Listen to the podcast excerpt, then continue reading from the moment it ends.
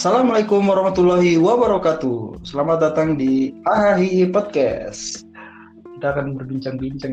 Kali ini gue punya temen yang gue denger-denger dia tuh, wah mantap kali lah. Ntar pokoknya denger terus percakapan. Kali ini sangat sangat sangat gak relevan banget nih openingnya. Jadi episode pertama nih. Perkenalan dulu soal Halo, gimana nih? eh halo Holil. halo Holil. Apa kabar? Ya. Baik, baik nggak? Tahu. Eh, alhamdulillah. Baik dong. Anda yang baik. Saya baik. Walaupun tidak begitu baik, tapi dibaik-baikin aja. Oke, oke. Iya perkenalan dulu dong. ya, saya Hmm. Salsa, Belum tahu. Holil. Udah itu aja sih. Iya, teman. Temen ya, masih aja rekan teman. rekan rekan kerja kerabat organisasi di Turki Di Oh, Turki. enggak, enggak usah disebut. Oh, Enggak usah disebut dong. organisasi pelajar bayangan nggak jadi gue sama Holil tuh temenan eh, di Turki kita mahasiswa Indonesia di Turki yang kebetulan satu fakultas tapi beda jurusan Holil tuh jurusan sosial kalau gue Iya. science gitu ya Lu biologi ya? Gua sosiologi. Kayak ya gitu lah. Sangat mudah pelajarannya tapi sulit juga kadang. iya Iya enggak sih? Kalau biologi, biologi sih gitu enggak? menurut gue semua pelajaran tuh punya tingkat kesulitan beda-beda ya sulit juga sih cuman gue cinta aja gue cinta mempelajari tentang makhluk hidup jadi ya udah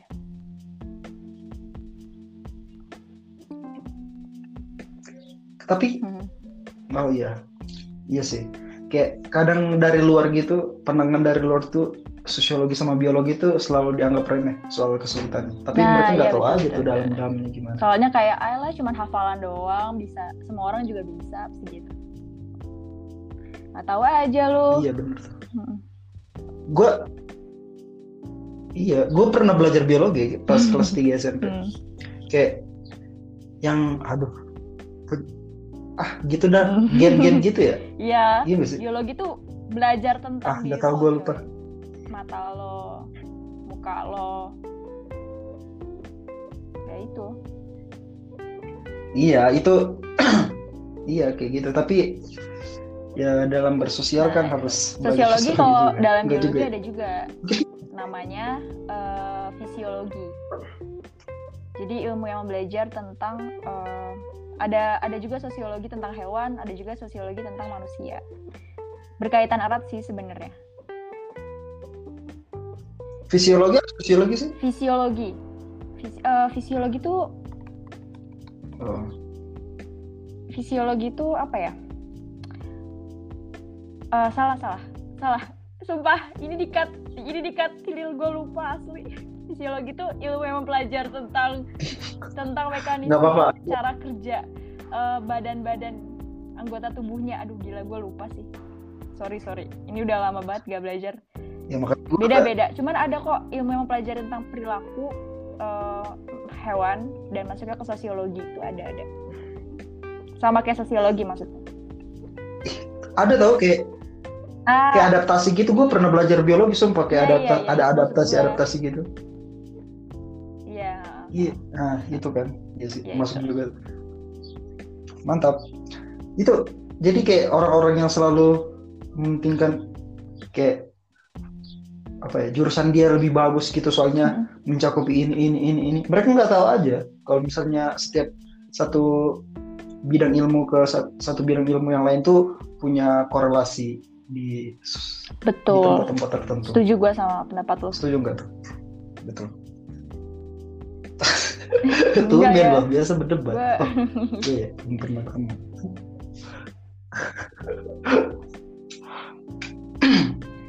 Kemarin tuh kayak bahas tentang gitu gak sih? Lu, gue pengen bahas-bahas politik gitu Boleh. tuh.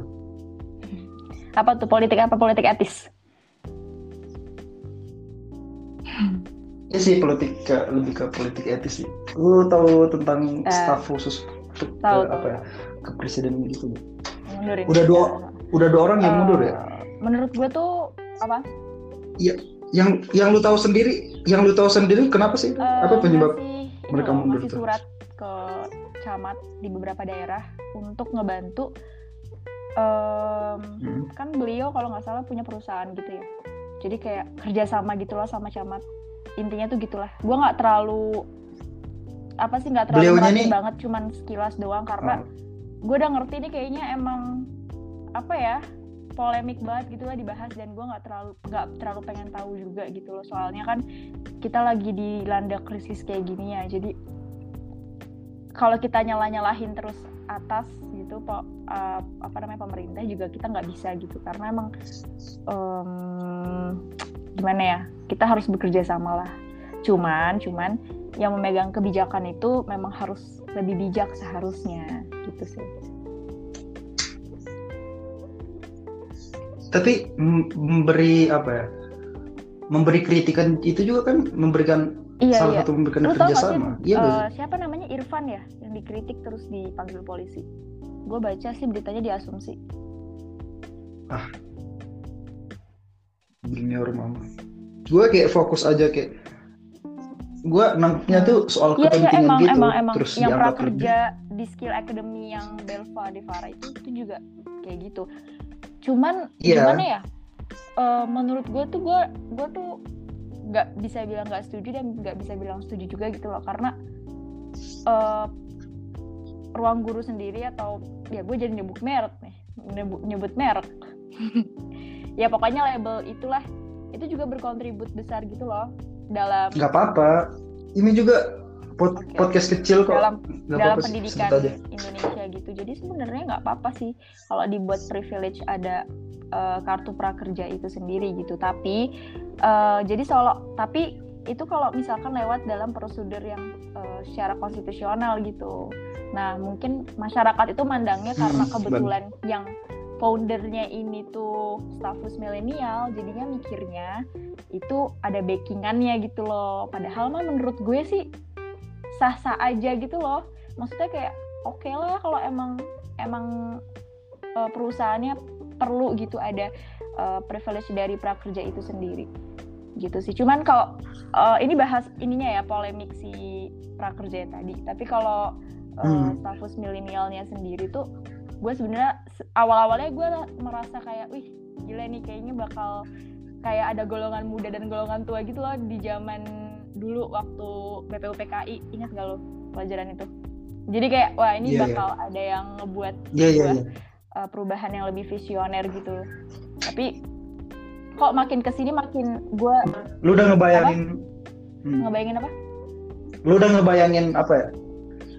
Eh, kayak kejayaan-kejayaan anak Iya, muda iya. kayak kan Iya capaan-capaan bangsa iya, capaan iya. bangsa kayak kemarin-kemarin gitu. bener, bener.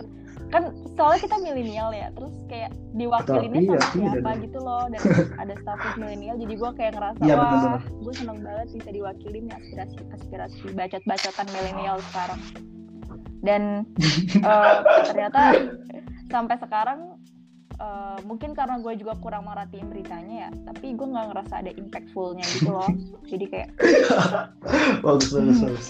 Ap- Bahasa lu bagus banget. apa deh apa deh yang dihadirkan oleh eh, stafus ini gitu tapi di lain di, di lain sisi gue sangat mendukung sih dengan kebijakan-kebijakan yang memang mengarahnya kepada anak muda itu bagus sih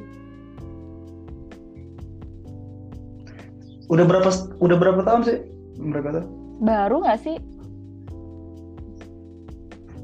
Baru kita sebelum kita ke Turki ya? Iya, eh, apa pas kita udah di Turki ya? di Turki awal-awal banget nih Wah. Baru banget. Iya sih, wajar aja sih masih baru. Tapi tapi dia bagus sih. Si Do itu. Dia dapat kayak apa ya? Siapa Belva Kayak dapat tuduhan. iya Hmm. iya Dia dapat kayak tuduhan soal kepentingan gitu dia betul langsung betul langsung sigap gitu keluar. ya gue juga iya langsung sigap. sih. Soalnya emang beliau itu eh, selain pinter, pinter banget coy. Lu harus lihat CV-nya, lu kayak ngerasa insecure parah. Gue insecure parah kayak ada gitu orang yang dilahirkan sesempurna ini gitu kan dengan porsi otak yang 200% kayaknya itu dipakai. Pinter banget. Iya sih emang dia tapi gue uh, garis tetap apa ya tetap mengkritisi soal apa ya uh, mungkin soal ini soal kebijakan apa bukan kebijakan sih soal langkah-langkahnya. Seharusnya dia ketika dipilih jadi staf sus kepresidenan. Dia terus kan dia punya masalah gitu ke eh punya usaha gitu punya. Hmm. ya gitu. Hmm. punya apa yang dia jalanin sebelum jadi staf sus gitu. Seharus, seharusnya menurut gua ketika dia jadi staf sus itu yang notabene bekerja di dalam pemerintahan pemerintahan nah dia seharusnya ngeluarin apa ya keluar dari usahanya gitu loh. Dari ya dari itulah dari ruang oh, guru lah. Keluar jadi, dari itu. jadi biar perannya kayak lu tau menteri menteri ya hmm, menteri siapa? Soalnya biar nggak ada praduga praduga soal kepentingan gitu tuh. Iya sih benar. gue sih harusnya dia kayak gitu.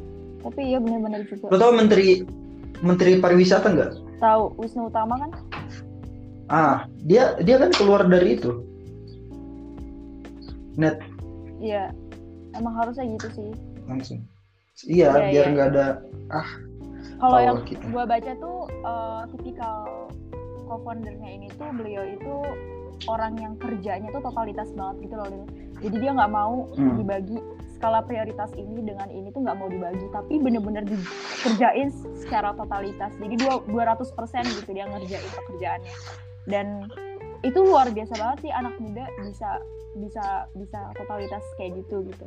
Dan mungkin karena uh, ketotalitasan itulah dibawa sampai ke kebijakan gitu. Padahal sebenarnya juga kurang etis ya kalau dilihat.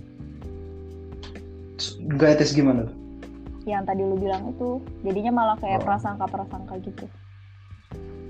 Ya sih dia kayak apa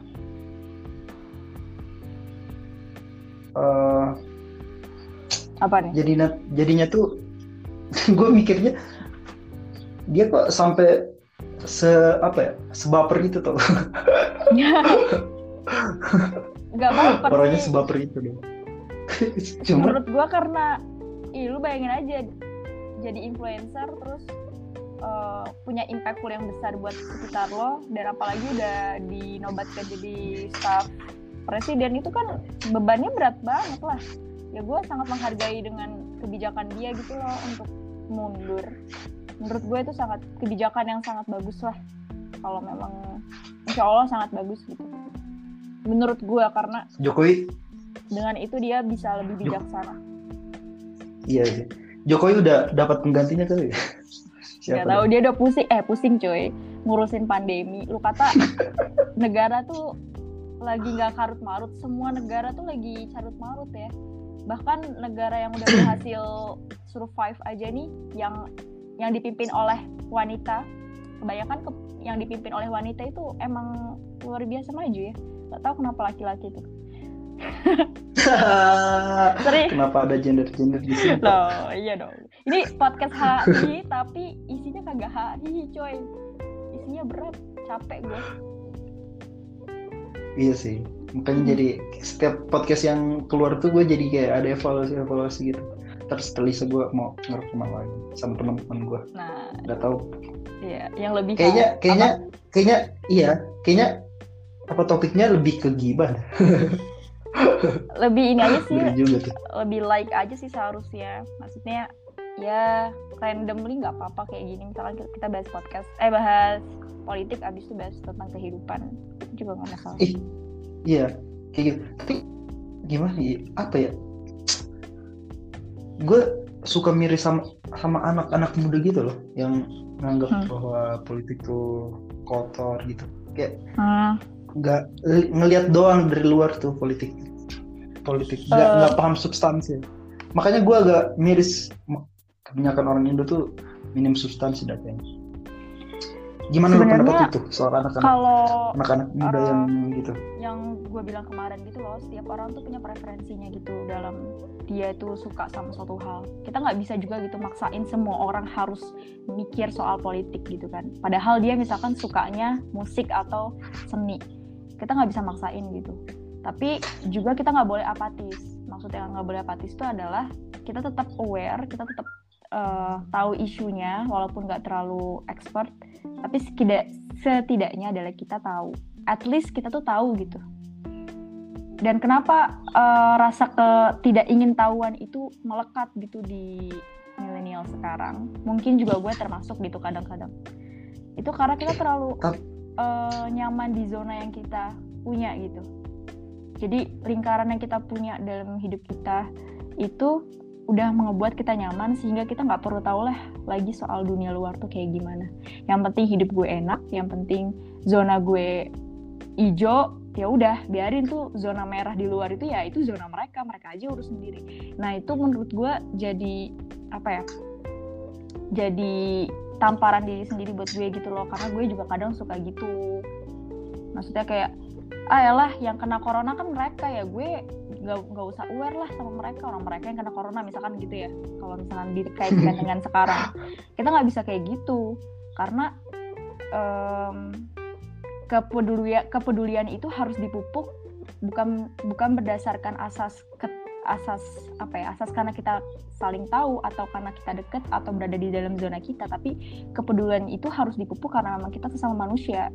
Gitu sih Ih, tapi yang mirisnya kayak juga gini dengan isu-isu yang ada di luar sana di luar Hmm. sana apa Kayak gue miris kalau misalnya kita sekarang nih yang sadar politik tuh menurut gue ya dari satu kelompok kayak kita 20 orang di sini yang sadar politik cuma 25% apa 2,5% itu miris banget tuh kalau misalnya cuma presentasi yang Hmm. sadar politik gitu doang. Nah, kalau misalnya Iya. Hmm. eh ini Apa? angka angka apa ya angka kriminal eh, angka kriminal bukan angka kriminal sih. Maksudnya keburukan angka keburukan yang ada di politik gitu dia semakin semakin ke sini tuh semakin semakin makin makin kayak semakin buruk gitu tuh integritasnya semakin menurun politik. Terus kalau misalnya Hmm. kita yang anak muda sekarang ini gak sadar gitu ya ya hahaha doang soal politik mas. Ya kan tadi gue bilang maksudnya Iya. karena yang pertama preferensinya itu emang beda yang kedua itu udah terlanjur nyaman di zonanya jadi ya udah itu masalah politik itu bukan masalah gue yang penting gue masih bisa makan ya masih bisa beli kuota masih bisa bucinan kayak gitulah hey What- whatever Hey. gue nyindir Hei, dulu ya apa itu? Saya tidak tersinggung. Nah, tapi tapi kan dia makan, dia dia beli itu kan dari pemerintah juga tentang politik. Nah. Eh, semua semua tuh tentang politik. Sebagai- Lu tinggal iya lu tinggal betul. di rumah itu DP DP gitu, itu lu beli rumah DP DP-nya itu politik juga, Pak. Iya, Iya ya nggak semua orang bisa mikir bahwa apa yang ada di apa yang di belakang itu itu harus dipikirkan. Maksudnya, Oke, oke, oke. Oke. apa yang Bentar, tidak diam. terlihat itu diam harus diam diam diam diam diam diam oh ya anak muda hmm, denger ini anak muda tahu tuh. Nggak. Politik politik politik kotor politik juga- kotor. Ah teman gue di, ada teman gue di UNES nih. Dia bilang dia cuma kampus kuliah kampus kuliah kampus ngedance. Ngedance ngedance anda. Politik udah memburuk anda nggak mau perbaiki. Ngedance mulu. Bilang politik kotor ya Allah. Lu dapat politik Gini, kotor gini. dari mana pak?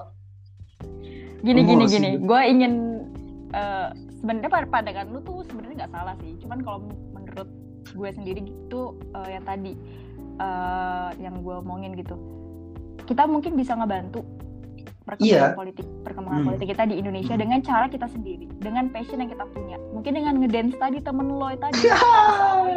mungkin dengan ngedance dia bisa membantu perdensan di Indonesia. Apa sih bahasa Indonesia yang baik dan benar pertarian di Indonesia industri pertarian di Indonesia mungkin dia bisa bantu gitu dengan dengan eksistensi diri dia masuk ke dalam eh, yang tadi Ih, tapi ta- kita nggak bisa kita nggak bisa menjudge satu sama lain gitu loh Iya, Maksudnya, tapi- "Oh, nggak peduli sih dengan politik kayak Iya. gitu kita nggak bisa Eh tapi nggak di tapi nggak juga dengan stigma stigma bahwa politik itu kotor pak. Ih siapa sih yang nah betul Hei kalian kalian kenapa sih Kenapa? Kenapa ada pikiran kayak gitu menurut lo kenapa? Ya karena ya contoh aja sih banyak sih sebenarnya. Para ya Hmm. Anas Urban Group dan kawan Emang Hmm. integritas di bawah. Kalau menurut gue sih gara-gara memang politik yang kita lihat sekarang itu Iya, contoh politik yang kita mengacu pada rakyat tidak tidak di Indonesia doang loh ya di seluruh dunia jadi sistem politik yang memang ada itu tidak mengacu pada rakyat yang di bawah kapitalis lah bahasanya lo Makanya- kaya makin kaya eh, lo miskin makin iya, iya. miskin kayak gitu Ma- makanya dukung partai TIT untuk menjadi pemimpin di DPR RI.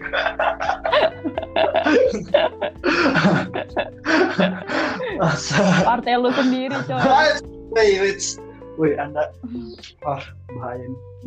Nggak, ada tuh gue nggak gabung partai mana aja sih. Nggak, gue mah yang penting gue masih politik umum nggak politik etis gue. Ada yang bilang kayak gini, temen gue sumpah, temen organisasi gue yang bilang, e, Lil, ngechat dia, ngechat nih, Lil, mau nanya doang nih, tapi keluar dari topik sih, keluar dari topik Hmm. kerja gitu maksudnya, proyek proyek proyek gitu. Gue agak kepo aja sih kata, lu partai tit gitu kan, lu partai itu enggak? Terus, terus gua- lu jawab gua apa gue bilang ah enggak dong. Tapi oh. kirain iya soalnya lu gabung organisasi itu. Lu tahu kan organisasi? Iya iya tahu. Banget. kenapa Ya lo Allah. tidak ingin mengklaim diri lo iya aja gitu? Lah karena gue emang nggak ada bukti anggota gue nggak pernah ikut. Hmm, apa acara acara partai itu. Gue nggak pernah nggak pernah mau ngakuin gue kecuali kalau gue udah emang udah jadi kader di partai itu. Hmm. Gua bisa iya ngasih iya. baru gue bisa baru gua. ada teman gue nih dia di Sakarya nah dia dia udah kayak ngeklaim gitu kalau dia ya gue kader di partai ini nih gue kader di partai ini nih. Ngasih bikin instastory snapgram gitu dari ya itulah partai itulah. Tapi kayak Hmm. agak terus? Gue kayak apa ya pasti tanggap tanggapan tanggapan tanggapan orang tuh kayak wow aja kalau misalnya kita udah gabung menjadi kader partai di usia kayak kita kayak gitu. Iya gak sih? Hmm, tergantung gue sih. pernah semua Gua yang lu tanyain apa?